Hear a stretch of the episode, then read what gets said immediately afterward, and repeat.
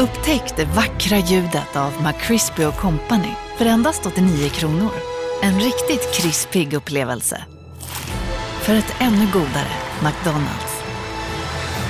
Psst! Känner du igen en riktigt smart deal när du hör den? Träolja från 90 kronor burken. Byggmax. Var smart. Handla billigt.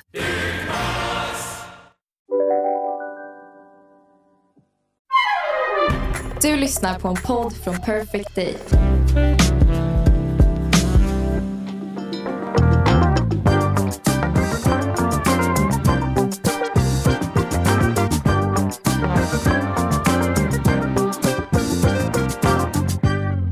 Jag fick ju tips av min granne Mia att kolla in ett eh, Instagramkonto som heter Orkidébarn Sverige. Och eh, jag blev eh, lite blown away för jag tyckte det var så otroligt träffsäkert och kände bara att det här, här är, det här ger mig verkligen ett lugn och massa aha-tankar. Så tipsade jag dig Jessica och det, det, det gav ju dig precis samma. Ja men precis, jag fick ju exakt samma känsla. Som en ny bästa kompis som är snäll mot en och som tvingar mig att vara snäll mot mig själv. Och idag är hon här. Åsa Wikman, välkommen hit! Välkommen! Tack så jättemycket. Vi är så glada att du är här. Men jag visste ju typ inte ditt namn för några veckor sedan, Mm. utan var ju helt förälskad i Orkidébarn Sverige. Berätta, hur, hur kom det här kontot till? Eh, jo, men för några år sedan när jag läste en bok eh, som heter Drunkna inte dina känslor av Doris Stalin och eh, Maggan Hägglund så kom liksom den här termen upp för mig för första gången. Eh, hög, de pratar ju om stark skör, eh, men också, de nämner också högkänslighet i deras bok. Och jag kände, då kände jag en aha-upplevelse. Det här är ju någonting jag verkligen kan identifiera mig med och det kan nog förklara mycket av varför jag har mått som jag har mått eh, under nästan hela mitt liv. Eh, och då, jag, är ju, jag älskar kunskap och grottade ju såklart ner mig i allt, allt jag kunde hitta om högkänslighet och förstod då att jag är högkänslig.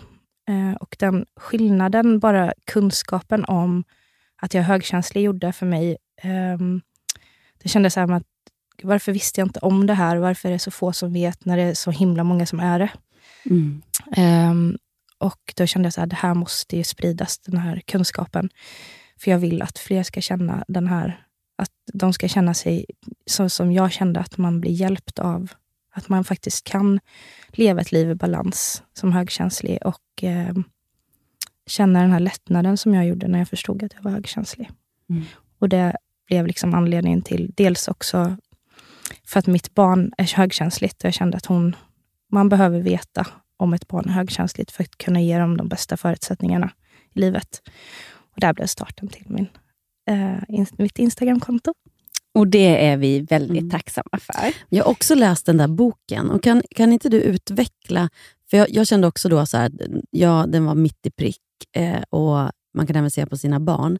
Men vi har pratat en del om högkänslighet, för både jag och Jessica eh, känner ju att vi är det. För visst är det väl så att man kan egentligen bara känna om man är det? Det går ju liksom inte att göra en diagnos riktigt. Ja, um, alltså det har ju forskats mycket på det och begreppet högkänslighet myntades redan på 90-talet. Och då formade man också ett, ett vetenskapligt test. Det är ganska gammalt nu, för det gjordes på 90-talet. Eh, men det är det enda vetenskapliga testet som finns. Och på svenska finns det på hspforeningen.se. Och det kan man göra. Eh, men Elaine Aron, då, som är grundare av det här begreppet, eh, hon menar att det här är ganska daterat och det är under revidering.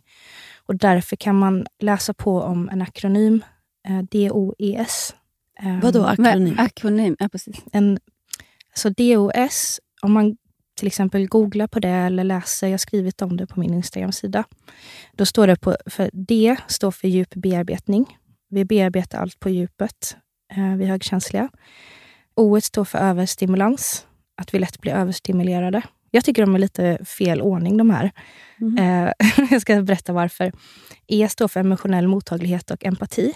Att vi har högre emotionell, att vi tar emot, känner in andras känslor och tar gärna på oss dem som att de vore våra egna. Eh, och högre empati då. Sen S står för vår förmåga att lägga märke till subtila saker i vår omgivning. Vi lägger märke till eh, kroppsspråk, eh, tonlägen, sinnesstämningar, om en klocka tickar. Idag sa jag till min man, när jag skulle vila lite på morgonen nu, för att jag behövde vila inför det här. Mm. eh, då sa jag till honom, jag ligger, vi har ett stort hus. Jag låg i vårt sovrum på övervåningen och jag skrev smsade stäng av diskmaskinen. För att jag känner typ vibrationerna det är jättekonstigt. Nej, det är inte konstigt. Jag förstår till hundra procent. Ja, stänga av diskmaskinen så att jag kan sova och slappna av. Eh, och då, det som jag tycker då är att o egentligen borde vara i slutet eftersom att allt de här, alla de här sakerna leder lätt till att vi blir överstimulerade. När du insåg att du... För du arbetar som eh, socialsekreterare. Ja, precis. Och känner du att när du själv förstod att du var högkänslig, har det hjälpt dig i ditt yrkesliv? Jo, men det har det. Det har det verkligen. För att dels förstår jag att jag inte är konstig, för att jag behöver sitta själv på mina raster, till exempel lunchrasterna. Eh, jag har en större acceptans för hur jag är. Eh, men sen också att jag tar hand om mig själv på ett helt annat sätt när jag har haft en, en jobbig dag på jobbet till exempel. Det är ju mycket tunga ärenden såklart att jobba med barn som är utsatta. Mm. Det förstår jag verkligen. Och Samtidigt är det ju att ha den empatin som man har som högkänslig är ju liksom Mm. Vilken fantastisk egenskap och att få möta det när man, hos en socialsekreterare. Mm. Mm. Om man bra i sig själv mm. eh, och har liksom hittat den här balansen, som jag ofta pratar om, då är verkligen eh, högkänslighet, alltså vi högkänsliga medarbetare, är verkligen en tillgång. Speciellt i de här yrkena då, som är människovårdande. Man, mm. typ I vården, som sjuksköterska eller läkare, eh, socialsekreterare.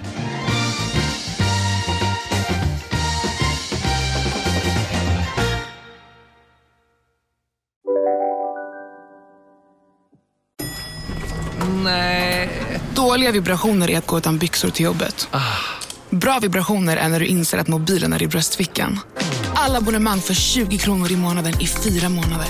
Vimla! Mobiloperatören med bra vibrationer. Välkommen till Unionen. Hej! Eh, jo, jag ska ha lönesamtal och undrar om potten. Ja, om jag kan räkna med övertidsersättning för det är så stressigt på kontoret jag jobbar hemma på kvällarna så kan jag då be om större skärm från chefen för annars kanske jag säger upp mig själv. Och hur lång uppsägningstid har jag då? Okej, okay, eh, vi börjar med lön. Jobbigt på jobbet. Som medlem i Unionen kan du alltid prata med våra rådgivare. Om en yogamatta är på väg till dig som gör att du för första gången hittar ditt inre lugn. Ett lugn du inte trodde fanns. Som gör att du blir en trevligare partner, en bättre bilförare, en bättre kock. Du blir befordrad på jobbet men tackar nej. För att du inte längre drivs av prestation utan vill göra saker som känns meningsfulla i livet. Och, ja, eller ja, då finns det flera smarta sätt att beställa hem din yogamatta på. Som till våra paketboxar placerade på en plats nära dig och tillgängliga dygnet runt. Hälsningar Postnord. Vi har fått en fråga här från våra lyssnare som undrar, vad är den vanligaste missuppfattningen när det kommer till HSB? Ja, det finns många missuppfattningar. En missuppfattning är att det är en diagnos. Att man, det är många som skriver till mig dagligen. Är det en diagnos? Hur får jag diagnosen? Och då brukar jag hänvisa till mina highlights. Där mm. har jag skrivit, eftersom mm. att det är så många som frågar. Det är en missuppfattning. En annan missuppfattning är att vi är blyga.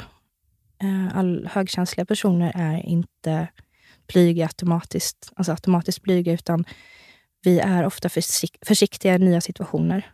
Mm. Eh, och spanar in och pejlar in liksom sinnesstämningar och innan vi ber oss in i situationen. Och blyg är att kalla till exempel ett barn för blygt är inget positivt laddat ord, utan att vara blyg innebär att vara rädd för att bli dömd socialt för att man ska göra bort sig. Eller, mm. Eh, så, så det är en annan missuppfattning. En, annan, en, en tredje missuppfattning är att alla vi är introverta. 30 procent är faktiskt extroverta. Och många av oss ligger på en skala och är ambiverta. Att man har lite mer av kanske det extroverta eller man har lite mer av det introverta dragen. Mm. Så det är en annan missuppfattning. Mm. Att det skulle vara en funktionsnedsättning är en annan. Det är det absolut inte. Det kan verkligen vara en styrka om man lär sig hantera. För det, eh, det upplever jag, att sen man har börjat läsa på mer om, om HSP så känner jag mer och mer att det blir en styrka och att, att det är något fint. Alltså mm. Jag älskar att vara HSP. Jag älskar att många av mina vänner är det. Men man har ju genom åren fått höra väldigt mycket liksom, åh, du är så överkänslig och du överreagerar och du övertänker. Och, ja, Mm. det kanske jag gör, men inte på ett negativt sätt alltid. Nej. Många av oss alltså, får ju höra de här sakerna i en Mm. negativ kontext. Mm. Eh, men alltså, jag skulle inte kunna tänka mig vara utan högkänslighet. Den, för att samtidigt som jag berörs av, alltså vi högkänsliga berörs mycket av alltså, negativa saker i vår omgivning och det kan vara tufft i vissa lägen. Så att vara utan den här djupa, de här djupa känslorna och reaktionerna som vi även har på vackra saker i vår omgivning. Eh, den hade jag inte velat vara utan. Jag kan, jag kan inte riktigt förstå. Det känns som att livet skulle vara ganska fattigt utan alla de här känslorna Mm. som man har. Ja, verkligen. Det håller jag verkligen med om. Men jag tänker att ur egen erfarenhet, jag fick alltid höra när jag var barn att jag var så tidigt empatisk. Mm. Då var ju det i och för sig något positivt.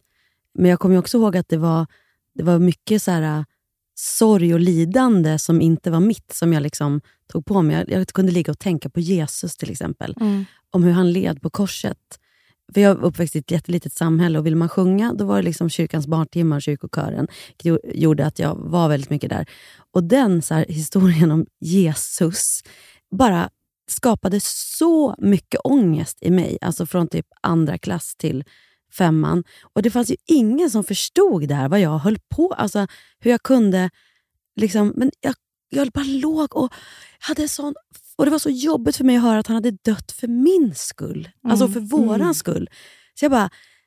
Och det här levde ju med mig långt upp i åldrarna där jag började så också bara, nej mina barn ska inte komma i kontakt med kyrkan. liksom, innan jag också förstod det här att det är inte alla som tar in de, känslor eller tänker så. Oj, vad jobbigt för honom. Speciellt inte barn. Och Det är en sån grej man kan titta bak och tänka om man undrar om man är HSP. För det är något man har varit, som du säger, hela livet. Mm. Om man liksom var ett barn som såg vad andra höll på med. Och, eh, vi har också varit inne på medberoende. Jag tror att det sitter Mm. lite grann ihop. att Man kan liksom nästan knappt bli kanske medberoende om man inte har HS, är HSP. Mm. För det är först då man liksom riktigt kan förstå andras känslor kanske på, på det där djupet så att det blir ens egna. Mm. Ja, jag vet inte vart jag ska komma med det här. Men jag tänker att man har, har man haft såna där... Det känns som att ni skulle kunna förstå mig. Att jag skulle kunna säga jag mådde verkligen jättedåligt Mm. av att gå i kyrkans barntimmar. För att det var, alltså, höra det här om Jesus till exempel. Och men det intressanta med det här är ju också att det här har inte vi pratat om. Men jag gick ju också i kyrkans barntimme och hade liknande med det här. Jag, jag kunde titta på Jesus på korset i kyrkan och typ börja gråta. Ah, och då var du ganska liten. Ja, alltså Ja. verkligen. Alltså sju år kanske. Ja, men jag menar det. Och det, jag menar så många som inte gör det. Nej, och jag har aldrig satt ihop det Nej. med högkänslighet förrän nu när du säger det. Ja, men för jag bara började tänka på det och så att man, man fick höra. Och då var det också någonting positivt att man var den här som lånade, gav macka. Om någon inte hade matsäck så gav, delade man med sig. Eller man kläder om Nej, någon blev blöt. Nej, men alltså man, man inte kunde blunda, jag kunde inte blunda för andras behov. Även om jag Nej. var liksom 8, Mm. 9, 10, 11, 12 år så gick det inte att blunda för andras behov. Kan även se eh, hos vissa av mina barn som går in i andras dramor. Hur ska man göra då? Man känner att man har ett barn som är det. Som liksom, ah, hon var taskig mot den. Det är fint att de iakttar det. Men när Och vill hjälpa och vill till. hjälpa till. Men när det blir liksom deras... Drama. Ja, Eller konflikt. mm, Eller vad nu är. Då är det också svårt Va- tycker ja, jag. Vad, vad tycker du man gör då? Jag tycker att man ska prata med barnet om mycket om... Det beror lite på åldern. Eh, men min dotter som är sex år, vi pratar, jag försöker prata känslor med henne. Eh, och eh, hjälpa henne att identifiera sina egna känslor. De kan ju inte alla ord för alla känslor, så att jag försöker ge henne ett vokabulär, alltså ett känslovokabulär, så att hon kan liksom förstå. Förstår man sina egna känslor, kan identifiera dem, då kan man också lägga märke till eh, när man har någon annans känslor. Det här är lite svårare för barn såklart, men man kan till exempel stanna upp, nu är det här kanske lite mer för vuxna, men att man stannar upp och lägger mär- märke till att nej, idag mår inte jag bra. Varför mår jag... Nu medvetenhet om att eh, känslan finns. Och Sen försöker man sätta ord på känslan och när man har ett barn då som är högkänsligt så kan man hjälpa barnet. Man märker som högkänslig förälder, framför allt när barnet går runt med någonting som är jobbigt för barnet. Och att man försöker hitta vad det är för några känslor som barnet bär på och även eh, vad som har hänt under dagen. Och eh, nu tappade jag tråden igen. Ja, men tycker du att man ska få barnet att avstå från att gå liksom medla i den här konflikten till exempel? Eller försöka förstå kompisarna? Så att, eh, om vi säger då att det är en konflikt Mm. i skolan. Nej, jag tycker att man... Det här är ju lite olika åldrar kanske. Man kanske klarar det som tonåring. Mm. För att man har fått liksom de här grunderna i... Man känner sig trygg i sig själv. Men ett mindre ba- barn så tror jag att det är bättre att ta hjälp av vuxna. Vi Mm. brukar prata om det ofta Mm. hemma. Så yngre barn, hjälp av vuxna. Äldre barn, vad var rådet då? Att de skulle försöka sä- särskilja på om det är ditt problem eller alltså Om din det- känsla eller deras känsla. Ja, och det är ju en process. Alltså det är ju verkligen Ja. någonting man behöver lära sig. Och det vi kan göra med våra barn är ju att hjälpa dem att förstå sina känslor. Och hur gör man det bäst? Man hjälper att sätta ord på känslorna och man kan prata om känslor på olika sätt. Vi har olika böcker hemma. Känslor. De är inte jätteglada i att läsa de här böckerna, men jag försöker. Eh, känsloboken tror jag någon heter för yngre barn och sen finns det någon för här, skolbarn. Att man kan använda sig av lite olika redskap. Men det är ingen lätt liksom, sak. att Det är en process med barn. Mm. Jag, jag har fått en annan fråga här. Finns det en koppling mellan HSP och otrygg barndom? Tänker om man är uppväxt med våld, missbruk eller liknande. Har hört något om det? Mm. Vi högkänsliga personer, eller högkänsliga barn, påverkas mer av en otrygg uppväxt och har större risk, löper större risk för att utveckla psykisk ohälsa, såsom ångest, eh, depression. Men däremot är det viktigt också för att senare forskning eh, visar att, men precis som orkidéer och orkidébarn, så växer ett barn upp under rätt förutsättningar och får god omvårdnad så kan de utvecklas till att växa, må bättre än många andra barn. Och Det är någonting man kallar för också fördelskänslighet. Det forskas mycket om det här. Och Anledningen också är ju för att kan man identifiera de här barnen som är högkänsliga, till exempel i socialtjänsten, eller inom socialtjänsten, då vet vi också att de här barnen har, kan dra mer fördel och nytta av insatser. Ehm, Så det är jätte, så här, viktig forskning. Och vad betyder orkidébarn? Eh, orkidébarn är ett extra känsligt barn, precis som högkänsliga barn.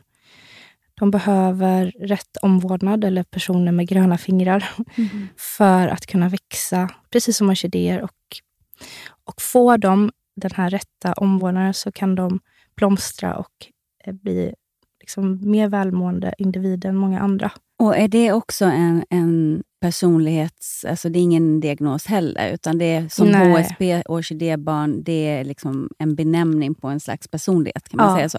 Ja, precis. Så det, Mm. det, är ingen, det är ingen diagnos, utan det är som sagt en personlighet. Men vad vackert det där med att eh, de behöver eh, vuxna med gröna, Gröna fingrar. fingrar, ja. Det var fint. Mm. Att det där att det liksom... Mm. Finns det några kurser för... Jag tänker om man då... Eller är det alltså så att man som förälder får högkänsliga barn? Om man själv är högkänslig Ja. menar? Ja, man, det är ju ärftligt. Eh, men hur den här genetiken funkar, om det liksom hoppar från förälder till barn eller hur den ser ut, det har jag inte hittat någon mer forskning på. Men jag, eh, jag är högkänslig, min dotter är högkänslig och vi tror också att vår son är högkänslig. Och Fast din på man? Eh, nej, icke. Lå- så långt ifrån känslig, högkänslig man kan vara. Är det vanligare att kvinnor är högkänsliga? Nej, Nej, det är det är precis lika. lika. många män som... Eller precis, men Nej. vet, det är Mm. ungefär jämnt fördelat. Mm. Eh, han är introvert, min man, men inte högkänslig. Och Det finns ju så här utmaningar både att, ha, att vara två högkänsliga i en relation och det finns utmaningar att vara en icke högkänslig då och en högkänslig i en relation. Ja, för jag tänker att... För det var det min, min fråga var egentligen, som jag skulle komma till. Att om man då är... Både om man är högkänslig själv, men om man är en förälder som inte är högkänslig så är det ju naturligt kanske svårare att förstå och relatera Mm. Vad det innebär att ha ett högkänsligt barn. Men finns det typ kurser inom det? Typ för att lära sig, jag tänkte, det finns så här ADHD-utbildningar för föräldrar med ADHD. Finns det liksom HSP-utbildningar? Alltså nu blir det ju lite marknadsföring för mig själv här. Mhm, kör, kör. Eh, Men jag har, dels har jag kurs för högkänsliga personer, eh, privatpersoner, och den är, handlar om att bli självsäker och i sin högkänslighet och leva ett liv i balans. Den är ganska omfattande. Eh, Vi kör, jag, har, jag är inne på min andra kurs nu. Eh, Vi kör åtta veckor och två timmar i veckan. Mm. Och då är det lite så här reflektionsuppgifter och alla är högkänsliga så att vi, ingen behöver prata under reflektionsuppgifterna, men man får om man vill. Och ehm, Sen så har jag också, i, jag har inte bestämt om jag ska släppa den ikväll, idag eller i morgon. Men jag ska också ha en kurs för högkänsliga föräldrar, eller föräldrar till hög, högkänsliga barn. Mm. Och jag, Och oavsett om du är högkänslig själv eller inte, Ja, så föräldrar men- till högkänsliga barn. ja, föräldrar till högkänsliga barn. Eller närstående, för alla är ju inte föräldrar. Nej, Ja. Nej. precis. Och den ser jag verkligen fram emot. För att, Och den här podden Mm. kommer ju på onsdagar, så då har du precis släppt den här nyheten. och Det här tycker jag är väldigt eh, gulligt och intressant också, för att jag ställde ju frågan till dig, är det någon speciell fråga du vill att vi ställer dig? Mm. Och då kan man ju tänka så här, ställ gärna den där frågan så jag kan Mm. få berätta om min affärsidé. men, men den kom inte. Nej. Nej. Så lite, Nej. lite försiktig. jag är väldigt ödmjuk och Ja. jag är nog uppväxt så här i jante. Man ska inte, Mm. Även ifall jag inte tycker om det riktigt, eh, så är jag nog så här, jag ska inte tro... Det är någonting så här i bakhuvudet, att man inte ska tro att man är någonting. Jag vill inte lyfta... Jag vill att ni ska känna att det här, liksom, det här är er podd och att ni får, att det är ni som liksom bestämmer och vill över innehållet. Mm, du Och jag vill inte hålla på att trycka fram mig själv där och hålla på. Var kommer du ifrån? Värnamo. Värnamo.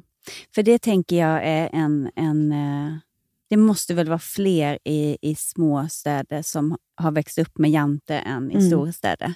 Ja, men säkert. Ja, men jag måste säga att jag, jag är uppvuxen i ett litet samhälle, men jag var nog lite sådär äh, att jag inte...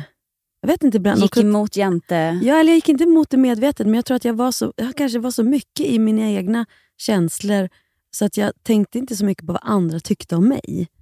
Alltså att jag, Oj, det var det enda jag tänkte. Ja, nej. Jo, men, jo, men både och. Men alltså, jag kan inte, jag kan inte, men sen hade jag ju musiken och sången på något vis och då var det liksom det. Fast jag kommer också ihåg att när jag började sjunga, då var det så här att jag ville inte prata mellan låtarna. Bara sjunga. Inte prata. För det var det värsta jag kunde tänka mig, att prata mellan låtarna. Jag ville bara dansa, ville absolut inte, om jag var med i någon revy eller Ja. så, så ville jag absolut inte ha replik eller Nej, säga något. nej. Och här sitter vi med podd. Exakt, vad hände? Nu älskar jag att prata. Men du, de som inte har hittat Orkidea barn än, eh, vi skulle kunna titta lite grann vad, vad som står där. Men skulle du också kunna säga så här nu, fem korta grejer liksom, som är, om man misstänker att man är det. Det här, det här. Nu har du sagt lite djupare eh, när du beskriver det här eh, DO, ES. Men kan du säga någonting så här, ja, om du, vad som är typiskt, vad som kännetecknar oss HSP-människor? Vad som kännetecknar oss det Mm. är att vi, vi, tar, alltså vi har hög empati, precis som jag sa. Att vi tar gärna på oss, lätt på oss andras känslor och har svårt för att skilja, det är också en utmaning för oss, att skilja på andras känslor och våra känslor. Mm. Och ja, men Det är ju lite de sakerna jag tog upp där. Att Mm. Vi har svårt för att kolla på våldsamma saker på tvn. Vi påverkas väldigt, alltså, väldigt mycket av både negativa och positiva saker i vår omgivning.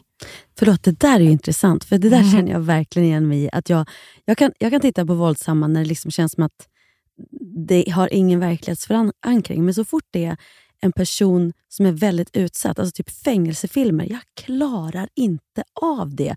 Folk som sitter fast inuti, i ett fängelse och så är det någon med makt eh, som liksom gör någonting. Det, det går, jag klarar inte. Eller när det Så är här liksom, oskyldigt ja, dömd. oskyldigt dömd. Eller när det är så här, ja, eller när de kommer in i cellen och de liksom, de, de, det är så orättvist och de kommer inte därifrån.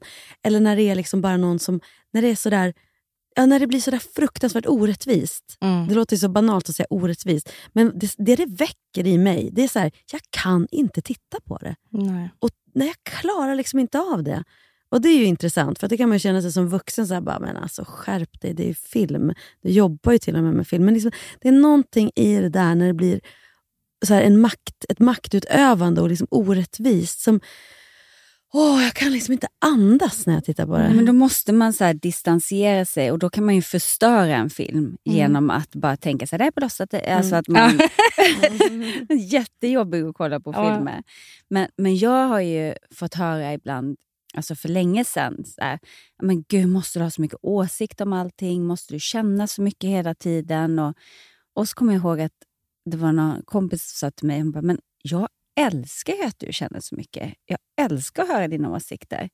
Så att när man har gått från att, att kanske fått höra att det är jobbigt att hela tiden ha åsikt och känslor om allting, till att helt plötsligt bara, men vänta, om jag väljer att umgås med de som faktiskt uppskattar den sidan hos mig, Mm så mår man ju så mycket bättre. Och du, du pratar just om det här att man vad en HSP-person behöver för att må bra, att det behöver balans. Och, kan inte du utveckla det lite mer? Jo, men det, det som jag tänker är det viktigaste för oss högkänsliga för att vi ska må bra och leva, kunna leva ett liv i balans och inte hela tiden vara överstimulerade är att förstå, dels förstå högkänslighet, vad det innebär, men även att vi förstår vad som triggar oss. En trigger är ett stimuli som skapar en negativ reaktion hos oss. Eh, och vi påverkas ju mer. Vi har ju ett känsligare nervsystem. Det centrala nervsystemet är känsligare hos oss. Och Det innebär att alla stimulin runt omkring oss påverkar oss mer. Det kan vara yttre stimuli och det kan vara inre stimuli. Yttre är till exempel belysning. Hanna klagade Mm. lite på att en spotlight Ja. var ögonen. Jag förstår dig helt och hållet. Jag skulle inte kunna koncentrera mig. För att man tar in det så himla mycket och det stör liksom hela, hela ens närvaro. Kläder, superviktigt. Jag är lite så här, jag, hade, jag har aldrig högklackat. Jag går alltid runt i mjukiskläder och keps och hörlurar. Mm. Så det låter så här klopp, klopp, klopp, klopp när jag går. Det är jätteirriterande. det är en yttre Ja. stimuli. Ja. Det påverkar mig, allting. Och sen så inre då, det kan ju vara eh, tidspress. Det kan vara hunger. Det kan vara eh, temperaturskillnader. Man känner att man blir varm. Man får så här vallningar, Mm. heter det va? Jag får ju Mm. det av stress tror jag. Ja. Jag är skitorolig för det Mm. idag. Att, ursäkta att jag säger så. Men att jag Nej. ska bli så här röd. Ja. Så jag, först tänkte jag att jag ska ha... Jag har ju tänkt igenom det här. Alltså, att jag skulle ha någonting så här. Så att inte ni ser det. Sen tänkte jag, strunt samma. De kommer inte bry sig. Det är bara jag som sitter och tänker på det. Ah. Eh, Men dels förstå det här. Vad påverkar mig? Hur kan jag anpassa min omgivning eller min liksom, vardag för att jag inte ska bli utsatt för, utsatt för en miljon stimuli? Även också, hur tar min överstimulans sig uttryck? Mm. Eh, hur liksom, ibland kommer det plötsligt, ibland kommer det långsamt. Eh, jag får yrsel. Jag kan få känsla av så dissociation. Att man så här, kopplar bort omgivningen. Att man lite ja, Zooma ut. zoomar ut Mm. helt enkelt. Um, huvudvärk, magont. Det kan vara Mm. allt möjligt. Och sen Alltså- så, sista grejen bara, att man vet hur man ska ta hand om sig själv. För att man ska känsloreglera, eller nervsystemsreglera i stunden, men sen också leva ett liv i balans. Jag vet att du spelar paddel, eller hur? Mm. Det måste ju vara ett sätt för dig att verkligen typ, ta hand om dig själv och må bra i dig själv. Att det är ett sätt liksom att, att le, balansera livet Verkligen. Och det, är, det var ju Hanna som tog med mig och surfa första gången. Och Det var lite samma grej. Det var den första gången i mitt liv som jag har varit helt totalt närvarande i exakt det jag gör utan tusen andra tankar. Jag var tvungen att fokusera på vågen, brädan och mig själv. Mm. Det fanns inte plats för tusen andra tankar. Padden har blivit lite samma grej. Att jag Mm. går in i att nu då fokuserar man bara på att liksom, en boll. Mm. Och, och det är så avkopplande för min hjärna. Mm. Så, men, men det intressanta är det du säger med hunger, sömn och värme. Mm. De här tre sakerna, det- här har jag verkligen känt. Varför är jag så känslig för... För det har jag varit sedan barn. Samma här. Och Mm. jag vet att mamma sa alltid, ja men du är lite trött, ja men du är lite hungrig. Så jag har alltid trott att det är mammas fel att, att jag typ har blivit så känslig för det. För att Mm. hon gav mig en ursäkt att skylla på det. Mm. Och därför har jag, nu inser jag ju, nej men så? hon såg ju bara att Mm. jag blev väldigt påverkad av dålig sömn, inte äta. Alltså jag vill ju äta hela tiden. Mm. Jag blir ju personlighetsförändrad när inte jag får i mig mat. Och Högkänsliga blir ju, står ju till och med i så studier att man, eller det är ju här att man blir hangry. Man, Mm. man påverkar, vi påverkas väldigt mycket av Mm. förändringar i blodsockernivån. Så vi behöver vad skönt verkligen hålla, vi behöver kolla, hålla koll på Ah. att vi liksom äter regelbundet. Och det här vanliga liksom som man pratar om, att man får sin fysiska eller att fysisk rörelse och att man äter bra.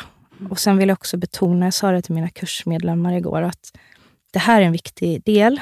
Eh, men slå inte ner på dig själv för att du inte tränar en vecka eller att du inte äter, att du äter lite godis eller ja, att du inte följer liksom den här dieten. För det är mycket press på hur man ska se ut och hur man ska vara utåt sett så att det inte blir liksom prestation. Men skulle du säga att, att eh, dålig mat... För jag upplever ju... Alltså, alla mår väl bättre av att äta bra mat, men jag upplever inte att jag... Huvudsaken är att jag får i mig någonting oavsett vad det är. Men Mm. skulle du säga, socker är ju inte bra overall, men skulle du säga att högkänsliga är, är känsligare för dålig mat, socker eller sådär? Ja, eftersom att det påverkar blodsockernivåerna på liksom att, Balansen. balansen att, Mm. Men eh, jag har ju varit så här sockermissbrukare i många, många, många, Mm. många år. Men nu har jag och min man varit superduktiga här sen i somras och slutat med socker. Och jag märker en stor skillnad i mitt mående. Det går ju inte upp och ner. Alltså då snackar vi en märker chokladkaka han- om dagen. Alltså. Mm. Märker han skillnad på sig själv trots att han inte är högkänslig? För jag tänker att det har positiva effekter även om du inte är högkänslig. Men märker du mer skillnad eller märker han också skillnad? Nej, jag tror inte han märker någon skillnad. Mer än vikten. det är alltid positivt. vi behöver gå ner de här gravidkilorna som vi hade för fyra år sedan.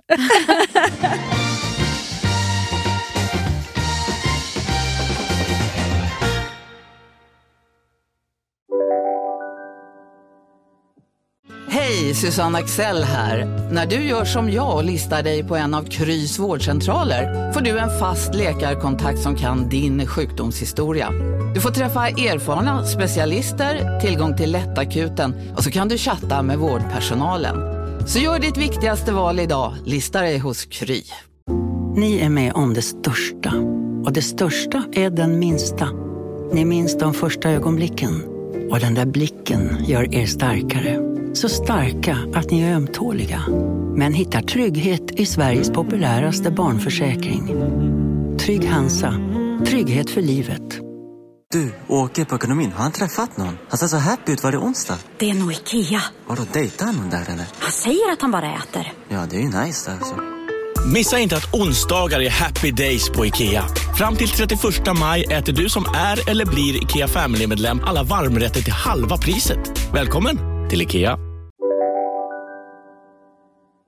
Men jag skulle bara vilja hitta lite eh, härliga från, eh, från din sida. Jag, jag, jag kör en nu, så kanske du kan också ha någon, Jessica. Jag är känslig, men du kan även kalla mig intuitiv, empatisk, kreativ, djupsinnig, medveten. Det, jag älskar den här, för det är precis det här. Hur många av oss fick höra det när vi var barn? Jo, empatisk fick jag höra då och det tog jag som något positivt. Men det kanske också lärde mig att åh, det är viktigt att man ska tänka på andra. Och så Mm. kunde jag inte ändå sortera på vad som var mina känslor och vad som var någon annans känslor. Men så här, just att du är så djupsinnig, du är så kreativ. Alltså det är fint. Istället för att du är så känslig. Som ju lika gärna låter som något negativt. Mm. Tänker, det kan man verkligen tänka på hur man uttrycker sig till sina barn till exempel. Lyfta det som är Mm. positivt med Med vara alla känslor. Mm. Verkligen, det är superviktigt. Men jag har ju kommit på mig själv att jag, och det här vet jag inte om det är min högkänslighet eller om det är för att jag har jobbat så mycket sista tiden. Eller att jag har inte jobbat så mycket Nej, sista jag tänkte tiden. du har väl inte jobbat så mycket sista tiden. Vem är det jag försöker lura? Du, bara, att- du känner dig lite stressad. Jag känner mig stressad för jag tycker att jag har grejer att göra hela tiden. Och Jag kan ju bli stressad av att ha inbokat ett frukostmöte och sen så kanske jag ska käka lunch med en kompis och sen kanske jag ska spela padel och sen kanske jag ska... Men det är liksom roliga saker. Men jag får typ ingen luft. Mm. Och sen så ska jag då göra något kul på kvällen. Och då börjar jag på morgonen och bara, känner jag mig inte lite hängig idag? Jag, Mm. jag har nog lite ont i halsen. Man ska ju inte träffa någon om man har Mm. ont i halsen. Så det är nog lika bra att jag är hemma. Och så försöker jag hela tiden att komma på en anledning för att kunna slippa gå ut på kvällen. För att jag pallar inte göra mig i ordning eller jag orkar inte åka in till stan eller jag vill bara lägga mig i soffan. Och då undrar jag, ska man tillåta sig själv att faktiskt bara ligga kvar i soffan eller ska man tvingas själv? För när man väl kommer dit så är det ju trevligt. Jag tycker man ska, i, att man ska tänka situationsbaserat den dagen. Hur, hur mår jag? Hur har, liksom, hur har mitt liv sett ut på sistone? Har jag, jag brukar prata om så här batteri. Mm. Har jag någon reserv Har jag kvar, något liksom? kvar? Eh, och eh, Det får ju vara lite, typ, är det någon bästa vän som fyller år, då kanske man får offra sig lite. ihop. Eller är det något mindre viktigt, då tycker jag att det är viktigt att ta hand om sin hälsa framför att även ifall, för vi blir, vi blir inte bara överstimulerade av negativa saker, vi blir även överstimulerade av positiva händelser i livet. Och frågan är liksom, man får lite, man får väga dem. Vågskål. Ja, man får Och, väga. och vad känner du med den här överstimulansen? Vad, är- vad, hur vet man att man är det? Överstimulerad? Åh, det är så här, det är någonting man, dels nu då, att man blir medveten om att det finns någonting som heter överstimulans. Att man, ehm, eh, om man vet, det är att man lär känna sin kropp. Hur känns det nu när jag har, nu har jag yrsel eller nu mår jag dåligt. Vad har jag gjort? Ja, men jag var ju på fest igår och gjorde det här, spelade paddel och sen var jag, liksom jag har haft väldigt, väldigt mycket, en väldigt lång tid och då är det här överstimulans, att man lär sig, lär sig känna sin kropp och liksom teckna. Men får jag flika in då att, att jag tänker att eh, jag upplever mig som en sån som är rastlös. Alltså svårt att vara själv. Gärna ha folk runt omkring mig så här, och har varit hela mitt liv. Men jag tänker att det du säger nu, att det kanske är, min rastlöshet är kanske då ett tecken på att jag egentligen är överstimulerad. Mm, Att, och så fortsätter jag det, hålla så- ja. tempot så, här, så att jag aldrig riktigt kommer ner i varv. Om jag inte reser bort, för då, då är det precis som att jag kan bara tillåta mig själv och liksom och då märker jag, då är det ofta, det är som, många gör ju tvärtom, tränar i vardagen och eh, så här, jag är typ så här, tränar och äter bra på semestern. Mm. Jag är likadan. Ja, det är också intressant. Det slår mig nu. Då är rastlösheten bara ett tecken på att man är överstimulerad och man ska tvinga sig själv då att Mm. landa. Men vad känner du då när du gör de här sakerna? Känner du att du blir ännu mer rastlös då? Nej, då först, jag blir ju av med rastlösheten. Ja. Så för mig blir det en flykt, men det är, ju inte for, det är fortfarande så att så fort det stannar upp då, så är det ju liksom en är det jobb, jättejobbigt. Och risken är då kanske att man bränner ut, alltså att man faktiskt bränner ut sig, tänker jag. Att det kan bli.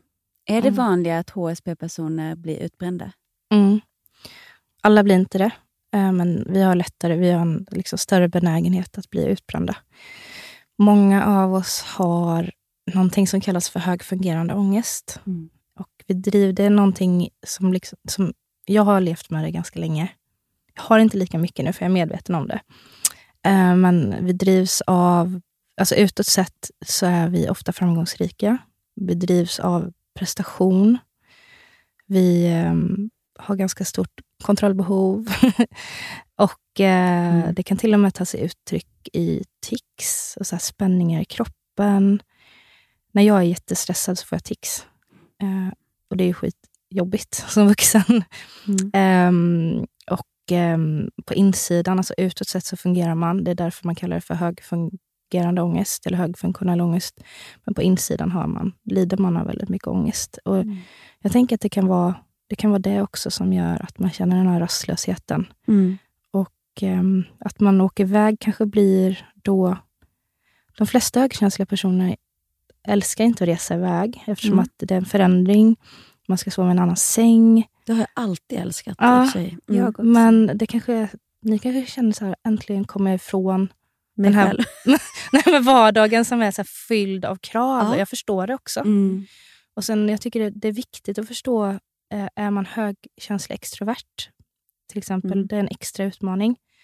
Jag drar ju mer åt extroverta hållet. Så jag har alltid trott att jag är supersocial. Och bara för att jag liksom kräver det här. Jag kräver social kontakt. Jag tycker om att prata i sociala situationer.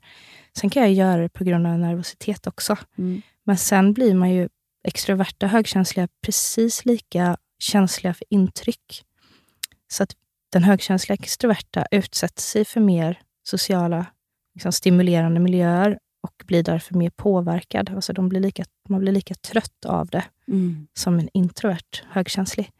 Men extroverta kräver... Min dotter är extrovert och henne måste vi hela tiden... Hon balanserar mellan, oj, en tråd mellan, eh, på en tråd mellan understimulans och överstimulans hela tiden. För hon blir understimulerad om hon inte får sociala kontakter. Hon, Mm. blir, hon, hon blir lätt överstimulerad. Och den här balansen är supersvår att hitta. Mm. Och hur märker du att hon blir överstimulerad? Oj. ehm, hon blir hyperaktiv. Mm. Hon får Ja. utbrott. Mm. Eh, hon, hon, har så, hon är så klassisk så här, högkänslig. Häromdagen när hon kom hem från skolan, som är ganska överstimulerande miljö för barn, Mm. det är väldigt överstimulerande miljö, så sa hon till sin lillebror att sluta skrika. Och han pratade i normal samtalston. Mm. Eh, och, Den har jag hört många gånger också Mm. av Sluta mina barn. skrika. Sluta skrika. Jag bara, men gud, jag har inte ens höjt och då gäller, ibland vill man ju bara säga... Alltså, hon är så här, hade jag inte vetat om att hon är högkänslig så hade man ju lätt kunnat säga sluta, Var så känslig. sluta vara så känslig eller sluta nu.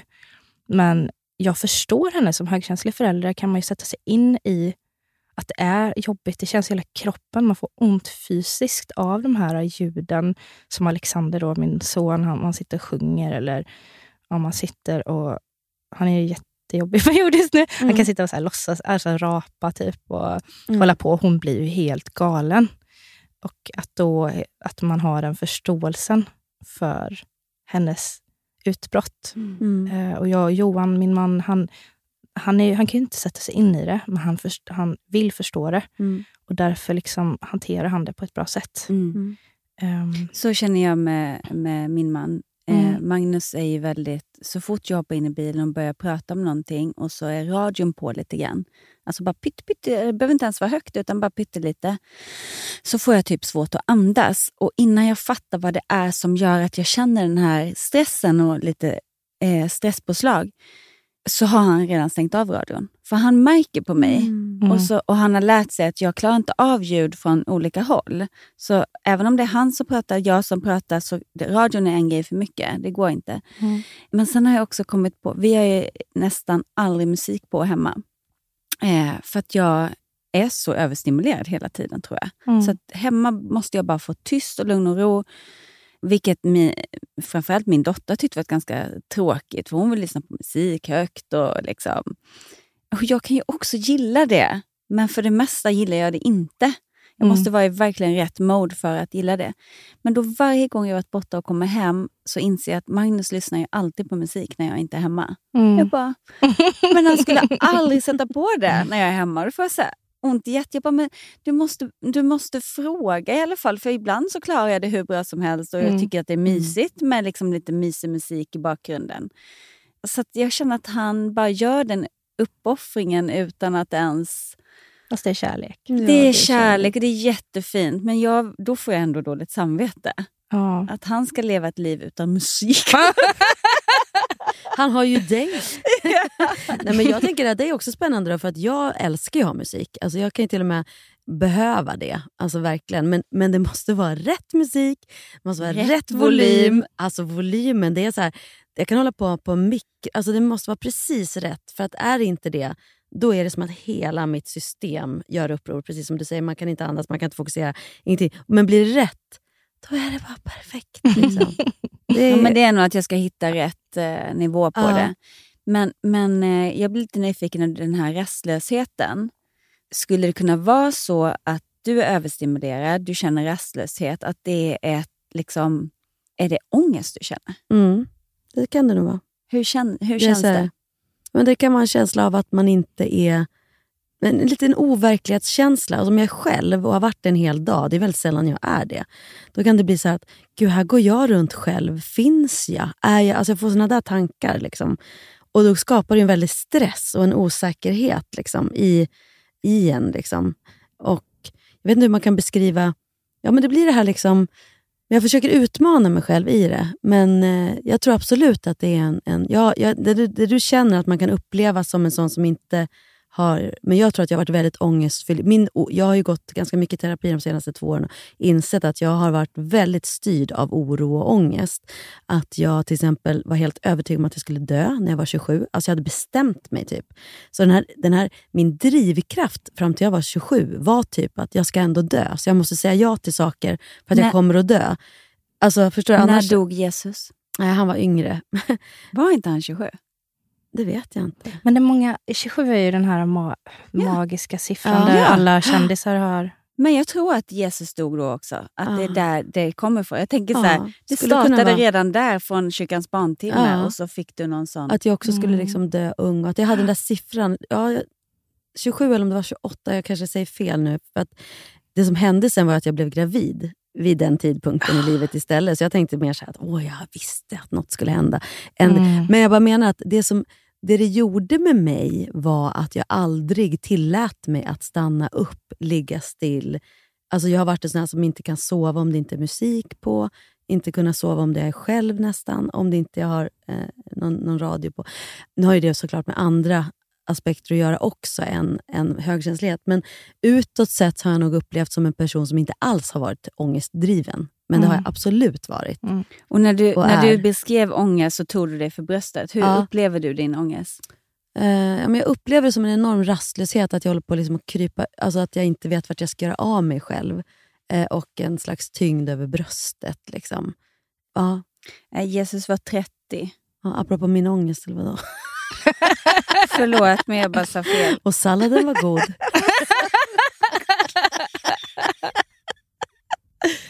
Vi har en sägning för vi var på turné och så var det så roligt för att vi satt i, ett- i så lunch, eh, ja, vi skulle äta lunch helt enkelt. Och så var, började vi disk- prata om någonting och så var det en som var med i samtalet och plötsligt zoomade ut. Vi kan bara, kalla henne Pernilla Wagen. vi kan kalla henne Pernilla Wagen. Och så plötsligt så bara, åh den här salladen var god. Och då satt någon precis och berättade om någonting ganska personligt. Så här. Hon lyssnade ingenting. Och det var lite samma sak nu. nu. Ja. Jag kände bara att du frågade så här, hur kändes din ångest? Och så bara, ja så här, bla bla bla. Jesus dog när han var 30. och, och anledningen till att jag gjorde det var för att jag bara, varför flikade jag in med det när det inte ens var rätt? Jag måste kolla om det var rätt. Förlåt. Men det är lite högkänsligt drag, alltså att man, man fastnar. Och så måste man, jag fastnar också, jag måste leta reda på svaret. Mm. Man, liksom, man överanalyserar och släpper inte. Och det är ju samma med, med padden. Att jag, om det blir en diskussion om någon boll eller om jag tänker så här, gud varför gick jag inte fram och gjorde så på den bollen? Då tre bollar senare så är jag fortfarande kvar i Mm. den bollen. jag bara, get over it och fortsätt spela.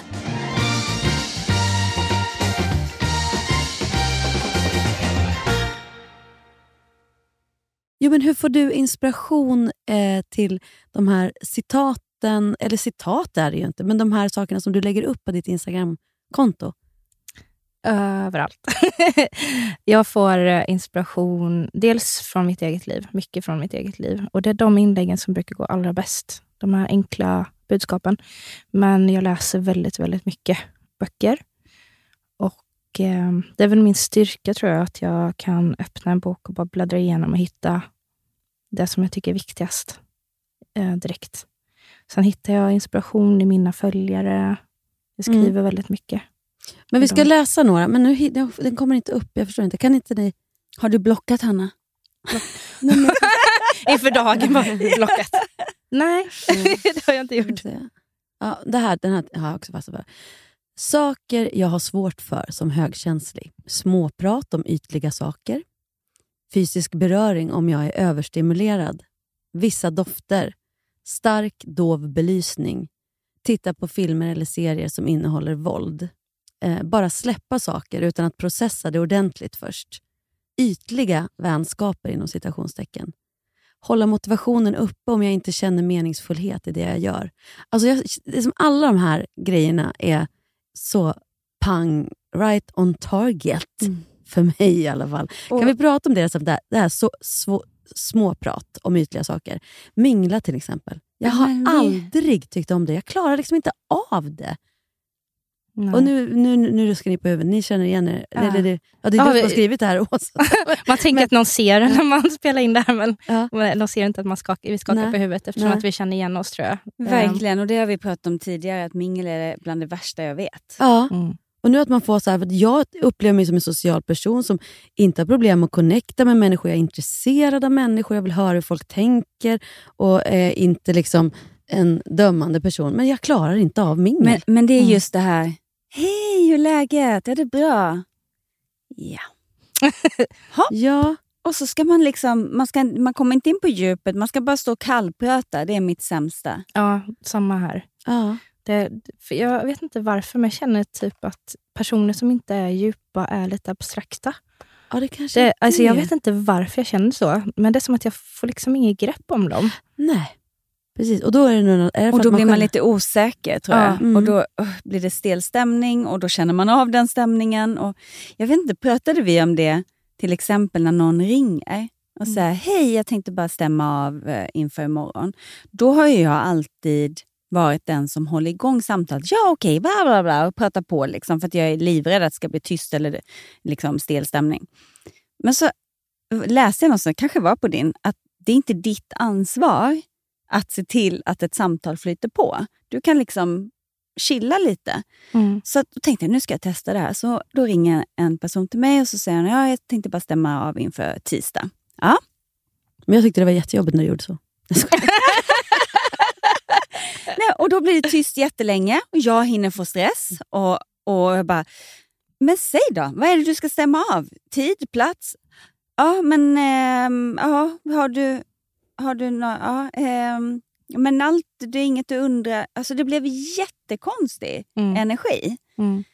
Och jag vet inte, jag skulle ju väldigt gärna vilja höra hur hon uppfattade det här samtalet. Mm. Hon kanske inte ens märkte av det. Nej. Utan det ligger bara hos mig att det blev tyst så där länge. Eller... Mm. Är det också en högkänslig grej, att man är rädd att det ska bli tyst? Jag vet inte just om det gäller alltså det här att det ska bli tyst, men absolut att man bryr sig väldigt mycket om att det blir ett bra samtal eftersom att man påverkas mycket om, av det annars.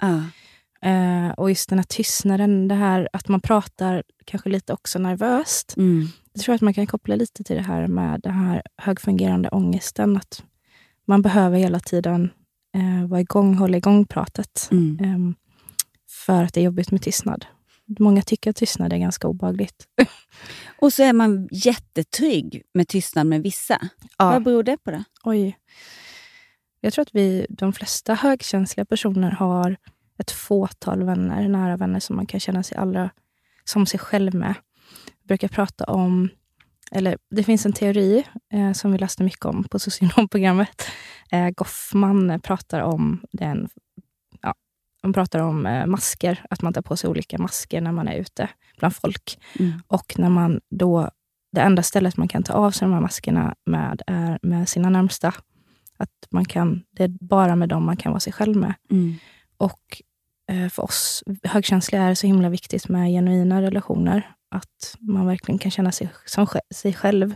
Att man kan vara sig själv med ja, de här närmaste personerna. Mm, eh, och eh, nu tappade jag tråden igen. Men eh, det är den, av den här anledningen som jag har väldigt få och väldigt nära relationer. Just för att man känner sig trygg Ja. tystnader och att... eh, Och det, ja, och det är så jobbigt då om man var i en stor kompisgrupp eller en vänskapsgrupp och eh, inte kunna ha de här genuina, genuina samtalen, inte kunna vara sig själv, vara orolig för vad andra ska tycka. Kan man släppa den här oron för? Men där är vi ganska lika. Vi har ju Mm. väldigt många nära vänner. Mm. Mm. Men om vi tittar på all, liksom, alla dem, Men så alla är ju har de dem. högkänsliga. Är det så? Ja, men det tror jag skulle säga. Och i alla fall en förståelse för det. 100 procent. Alla. Så att därför känner man sig trygg. alla. Gud Ja. vad härligt för er. Och att de kan, man är 100 procent trygg och kan Mm. lita på att det liksom inte är något dömande. Gud vad skönt. Men gud, alltså det är min mage, jag, jag, den kurrar. Jag vill bara säga det om någon tycker det låter konstiga ljud härifrån. Så det är jag, min mage, som kurrar. Jag tycker det låter Det var ju något jättemycket. avsnitt sen, Ja. två avsnitt sen som det var någon lyssnare som undrade vad det kom för konstigt ljud. i Men jag ska läsa en till grej, Ja. eller några som jag tycker är helt... Också så här, precis känner igen mig på allihopa. Saker jag gör för att jag är högkänslig. som jag tidigare skämts för eller trott gjort mig annorlunda. Så har du skrivit Åsa. Jag blir ibland glad när någon ställer in planerna med mig. Älskat. Alltså, vad är det? vad är det? Varför kan vi inte då själva bara säga... Men, och Det var Ja. det jag ville komma till förut när jag sa det där att jag håller på hela tiden. Känner jag mig inte lite dålig? Du, du, du. Mm. Och så är man så rädd att ställa in för att göra någon annan besviken. Mm. Men grejen är att jag inser att de flesta av mina vänner tycker bara yes. Yes. en ledig dag eller vi Ja. en ledig kväll bara med, där vi inte hade någonting. För oftast har man ju bokat upp sig på massa saker, så när det blir en inställd då, bara, ja, då får man ju den där tyst, den där, okej nu måste jag möta min rastlöshet. Typ. Okej, jag kan överanalysera en människa som jag bara sett till exempel på ett café eller i affären. 100 Ja, procent. då. ja då. Det har varit, nu är inte så mycket längre, men ett tag var det typ ett intresse. Att sitta och titta på folk och hitta på vilka men det var. Undrar vad sist- liv är. Ja. Liksom. Eh, Okej, jag sitter ibland kvar i bilen tills kusten är klar, det vill säga inga grannar ute.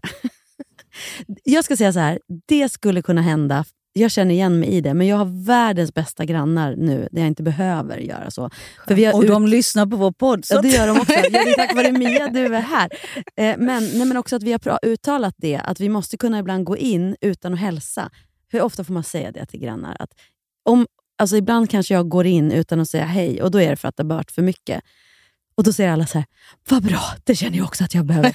Och ta inte det personligt då. Nej, vi behöver inte hälsa. För, för den, den eh, har jag aldrig upplevt med grannar. Sådär. Men däremot sitter jag ofta kvar i bilen innan jag går in och möter familjen.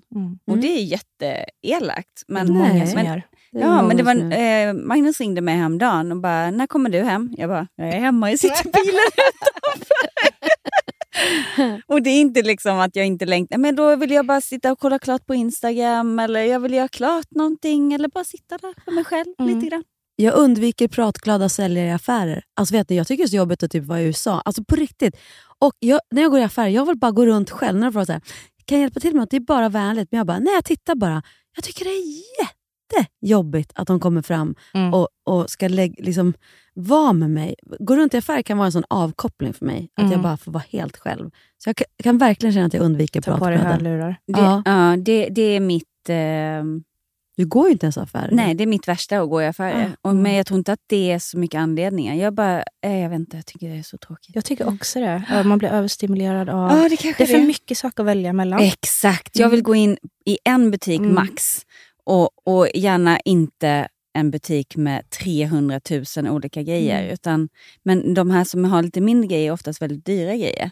Men Och- hellre det och då köper jag en grej. Och säljarna är ofta väldigt så här, om man går in i en liten affär, vilket Mm. är skönt, då är de väldigt så här, Ja, jag tycker det är jobbigt. Fokuserar det. de, ser de mig. Nej, jag Ja, tycker men det är därför jättejobbigt. jag tycker det är bättre att gå in på Mm. nätet. Ja. Och där kan jag sitta i lugn och ro och bara titta. Och det är lyx säljare. faktiskt att du har Ja. den möjligheten som Mm. Jag låtsas att jag inte ser någon jag känner när jag exemplar och handlar. Det har 100 hänt. procent massa Ja. gånger.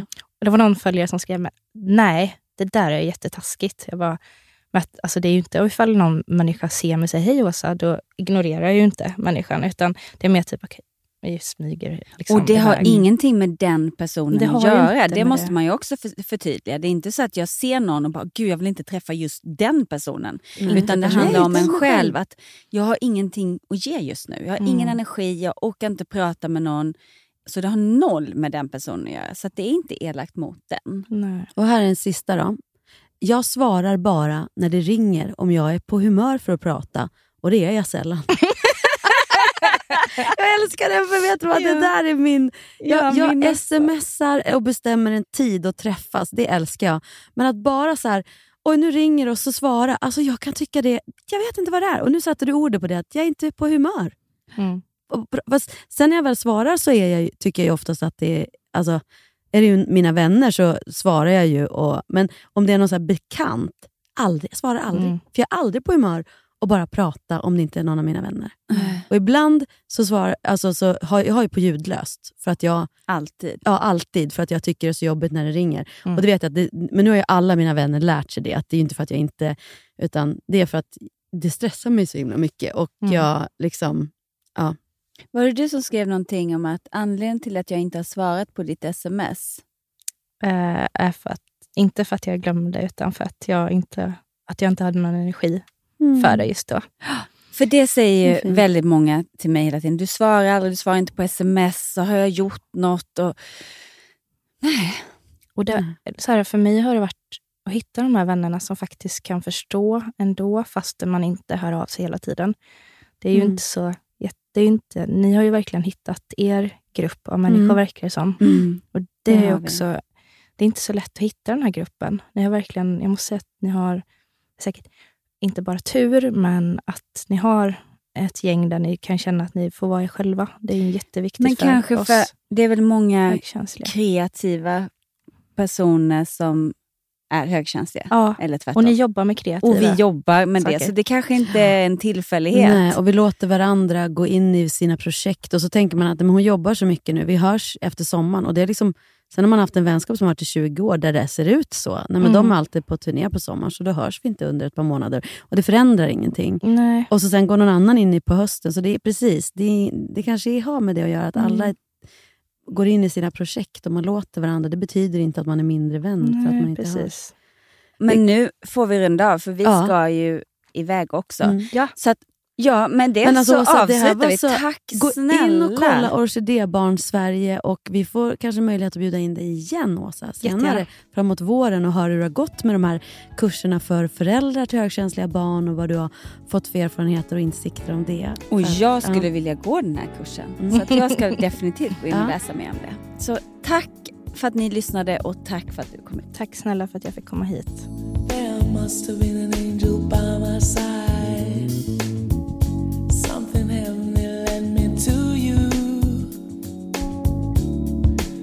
Look at the sky.